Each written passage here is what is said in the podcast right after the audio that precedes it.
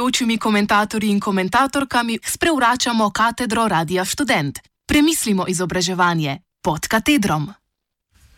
Zasebno ni javno 2001, 2014 in 2020. Maren Šimenc, profesor na pedagoški in filozofski fakulteti Univerze v Ljubljani, ki je skupaj z Veroniko Tašnor uredil tudi zbornik Komu je na poti kakovostno javno šolstvo iz leta 2016, bo v današnji ediciji oddaje pod katedrom podrobneje opisal slovensko zgodovino odnosa med zasebnim in javnim šolstvom.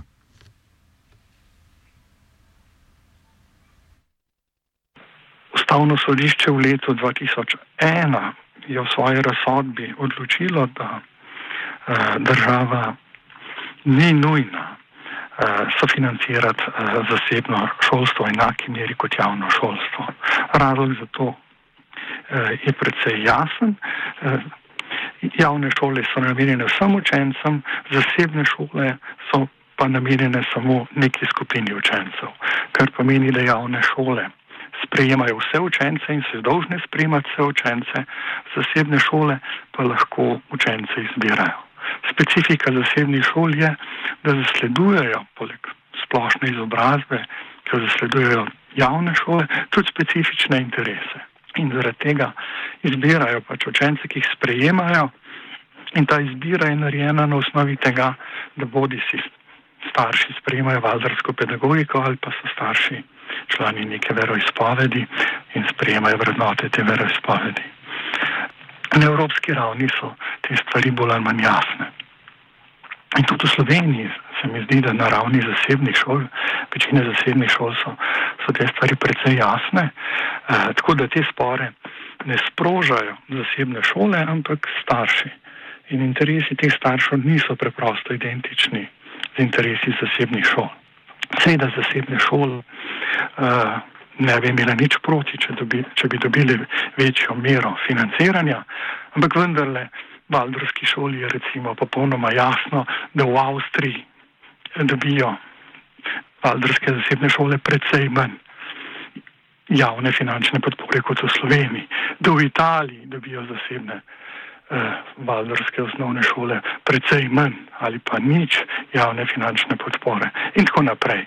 Se pravi, zasebnim šolam je položaj v svetu glede tega jasen.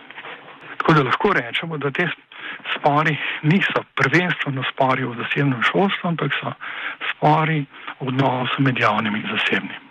Ne, in tukaj imamo, če se preselimo na raven ustavnega sodišča, Eh, dve razsodbi, iz, katere, iz katerih je ustavno sodišče leta 2020, se pravi letos, izhajalo in razsodba iz leta 2001 je odločila, da država ni dolžna financirati zasebno šolstvo v enaki meri kot javno.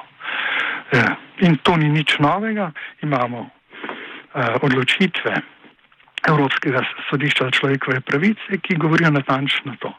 Eh, država je dolžna vzpostaviti pravn položaj, v katerem je mogoče ustanavljati zasebne šole, vendar pa jih ni dolžna finančno podpirati.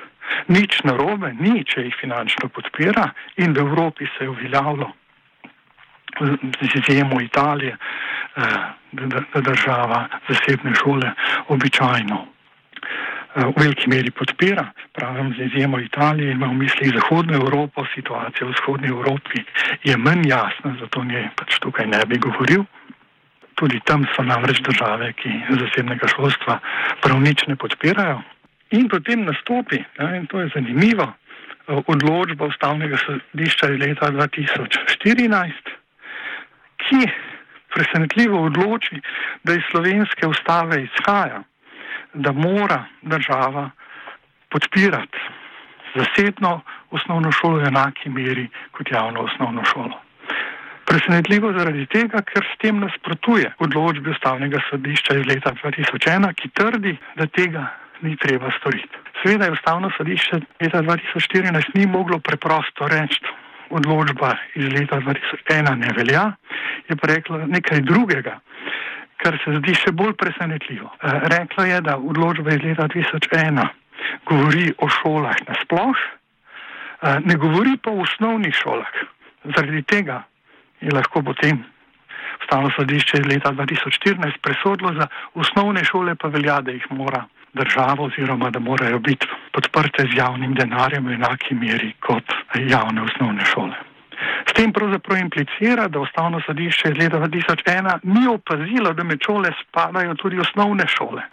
Tako radikalno kritiko ustavnega sodišča težko najdete. Seveda je ta kritika prikrita, ne, ker se je šlo za neko sofistično operacijo, ker se je sprejelo sklep, ki je radikalno nas, nasproten odločitvi ustavnega sodišča dobro desetletje predtem, vendar se je ustavno sodišče leta 2014 pač delalo, kot da ni popolnoma spremenilo odločitve ustavnega sodišča iz leta 2001.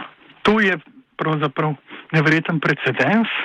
Tega ustavno sodišče običajno ne dela, ampak ustavno sodišče iz leta 2014 je to privoščilo.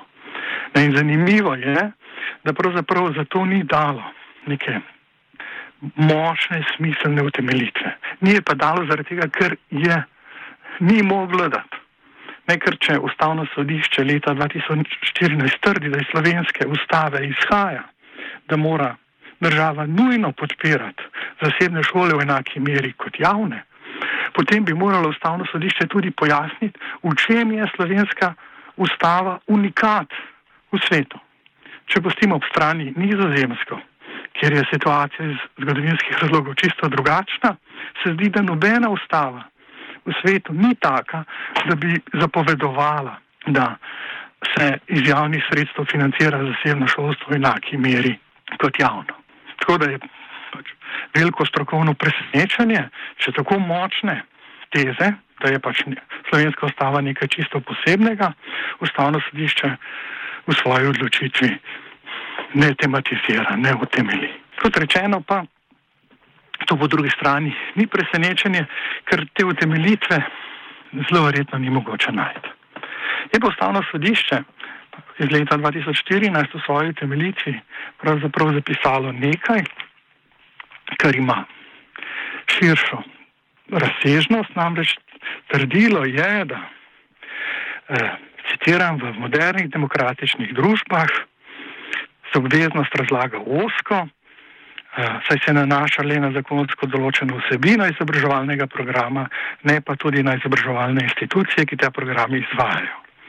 Kar pomeni, da je upeljalo termin sodobna eh, demokratična družba. V slovenski stavi seveda termina sodobna demokratična družba ni.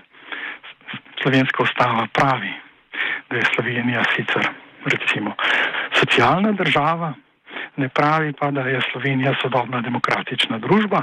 Zlasti še, če sodobna demokratična družba pomeni, da gre za prosto izbiro izvajalcev, se pravi zasebnih ali pa javnih, oziroma drugače, da ustava narekuje na nek način razgradno javne sfere. Večina evropskih držav ščiti javno sfero in je ne enače zasebno sfero imamo javne gasilce in nimamo pač zasebnih ponudnikov gasilskih storitev, ki enakovredno konkurirajo na trgu eh, gasilskih storitev skupaj z javnimi eh, gasilci. Eh, se pravi, ustavno zadišče leta 2014 je ustavi nekako imputiralo, se je pretvarjalo, da ustava trdi, da je Slovenija neoliberalna država. Pač kot ključen moment neoliberalne države pa je razgradna javnega sektorja. Uh, Ustavno sodišče leta 2020 se je soočilo s tem vprašanjem, namreč z vprašanjem, da ima pred sabo dve razsodbi Ustavnega sodišča o tej temi, namreč razsodbe iz leta 2001, da država ni dolžna sofinancirati javnega zasebnih šol z javnim denarjem v enaki meri kot javnih šol in razsodbo iz leta 2014, eh, da je treba, ko gre za osnovno šolo, eh, to storiti. To, kar je ustavno sodišče leta 2020 izpeljalo, je pravzaprav znotraj stroge argumentacije smiselno, namreč ustavno sodišče iz leta 2014 je svoj argument, da je potrebno sofinancirati zasebne šole v enaki meri kot javne, najdla v vrstici ustave, ki pravi, osnovno šolsko izobraževanje je obvezno in se financira iz javnih sredstev. In ustavno sodišče leta 2020 je ugotovilo, da pravzaprav je osnovnošolski program tak, da nek del tega programa je res obvezen, drug del programa pa ni obvezen. Pač jutranje varstvo, popodansko varstvo, dopolnilni pouk, to niso obvezni deli eh, osnovne šole, učenec jih lahko izbere ali pa tudi ne. Zaradi tega je sklenilo, da pač je eh, država dolžna financirati obvezni del, ni pa dolžna v enaki meri kot javnim šolam, zasebnim šolam financirati tudi izbirni del. V tem smislu lahko rečemo, da je potem, ko je ustavno sodišče leta 2014 naredilo korak naprej k razgradnji javnega sektorja, zdaj ustavno sodišče v leta 2020 naredilo pol koraka nazaj.